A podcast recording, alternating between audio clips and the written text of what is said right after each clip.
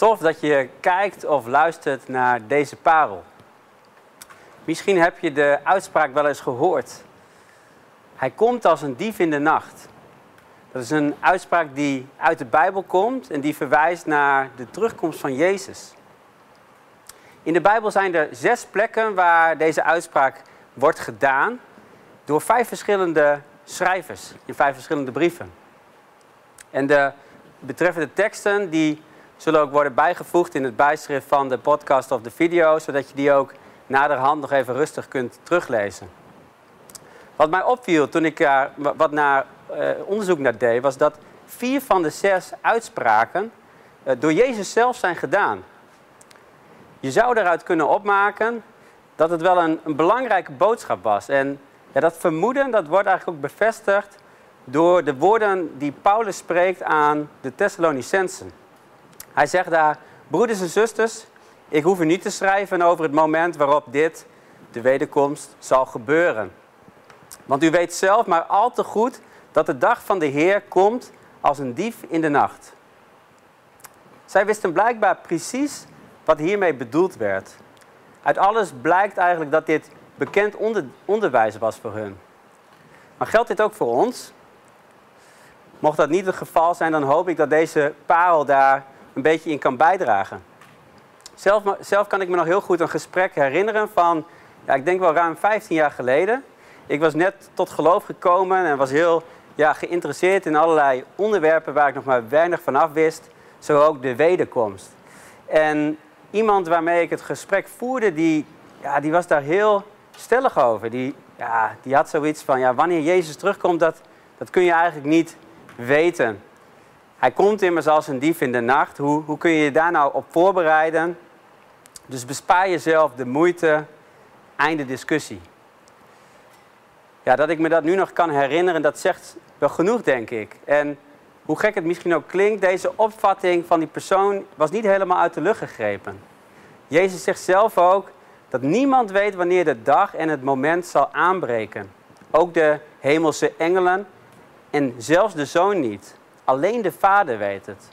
Staat in Matthäus 24, vers 36. Ik vind het moeilijk voor te stellen dat, ja, dat dit geheimenis alleen bij de vader bekend is.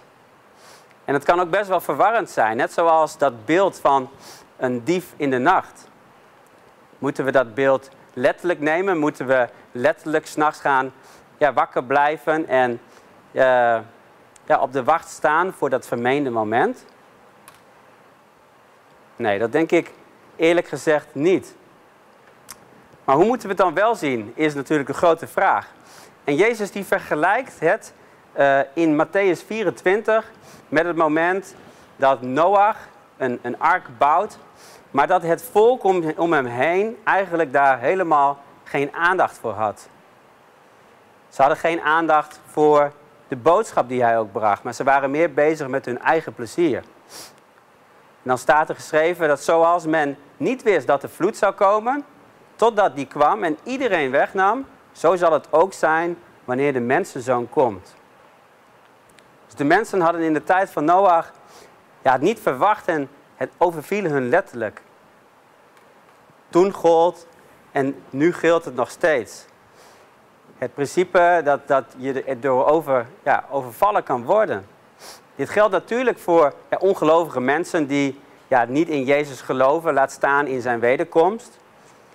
Maar het kan ook mij en het kan misschien ook jou wel gebeuren.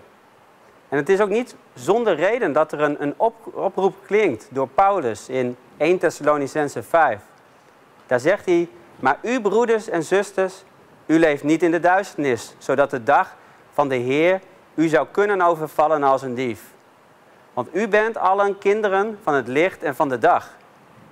Wij behoren niet toe aan de nacht en de duisternis. Dus laten we niet slapen zoals anderen, maar waken en op onze hoede zijn.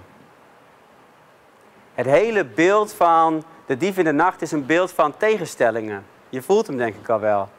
Er wordt gesproken over nacht en over dag. Over duisternis en over licht. Over slapen en over waken. Het Griekse woord wat hier gebruikt wordt voor waken, dat is Gregorio. En dat wordt in sommige gevallen ook vertaald als wakker blijven. Als, ik, als je terugkijkt naar de grondtekst, dan zie je dat Jezus op al die plekken waar hij spreekt over de dief in de nacht, het ook steeds koppelt aan een oproep om waakzaam te zijn. Om je aandacht erbij te houden. Om wakker te blijven. Als ik eerlijk ben, dan dommel ik nog wel eens een beetje weg. In de waan van de dag, genietend van alle goede dingen. Ergens wel wetend dat er een wederkomst aan zit te komen, maar ja, toch ook niet daar heel erg mee bezig zijn. Ik vind het dan ook best confronterend dat, dat Jezus in Matthäus 24 ook ja, die context zo beschrijft van het volk bij Noach. Dat ze bezig waren met, met eten en met drinken, met trouwen en met uitgehuwelijkt worden. Met hele normale dingen zou je zeggen. Of is daar iets mis mee soms? Nee, ik denk eerlijk gezegd dat God het ons ook allemaal geeft en om, om van te genieten. Maar er klinkt wel iets in door dat we ervoor mogen waken. Dat, dat deze dingen volledig ons hart in beslag nemen. Dat ze zo onze aandacht beheersen dat we, net als bij de mensen bij Noach, ja, het, het, het grote reddingsplan van God uit oog verliezen. En dus klinkt er die oproep tot Gregorio, tot de waakzaamheid, om wakker te blijven. Nou, hoe kan ik en hoe kunnen wij nou ja, wakker, waakzaam blijven? Nou, ik geloof dat de verschillende Bijbelteksten daar ons ook een paar handreikingen in geven. De eerste is in Openbaringen 3, waarin Jezus zelf ja, een waarschuwing geeft. Hij zegt: Herinner u dat u de boodschap hebt ontvangen en begrepen. Houd eraan vast en breek met het leven dat u nu leidt. Maar als u niet wakker wordt, kom ik onverwacht als een dief, op een tijdstip dat u niet kent vasthouden aan de boodschap. De boodschap van Jezus en niet terugvallen in oude patronen. Ik heb zelf gemerkt dat ik, ja, dat, ik, dat ik daarin een gemeente nodig heb. Dat ik daarin jullie nodig heb als broers en zussen. Die ook toegewijd zijn en, en achter Jezus aangaan. Die me scherp houden. Vrienden die me aansporen om in vuur en vlam te blijven voor Jezus. En om die eerste liefde niet kwijt te raken. Als jij dit hoort en je denkt, dat ken ik niet, dan wil ik je echt aan, aanmoedigen om daar naar op zoek te gaan.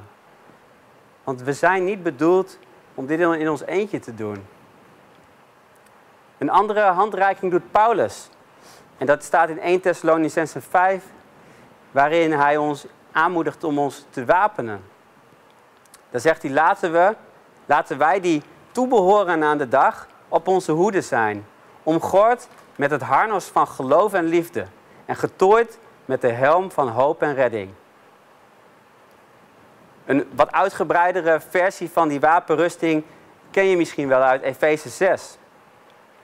Maar de strekking is hetzelfde en de, de, context die Paulus beschrijft, die, ja, die, die communiceert hetzelfde. Wees alert.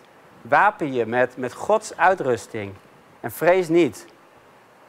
Ik geloof oprecht dat er een enorme geestelijke strijd is ja, om onze aandacht, eh, om afleiding, om ons ja, in slaap te laten sukkelen.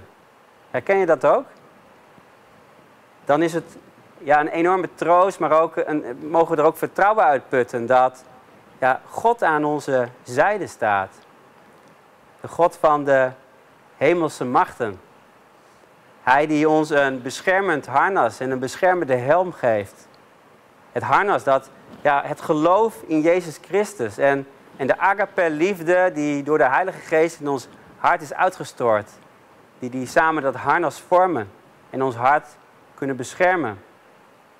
Maar ook die helm, de hoop op redding, die ons, ons hoofd en onze gedachten beschermt.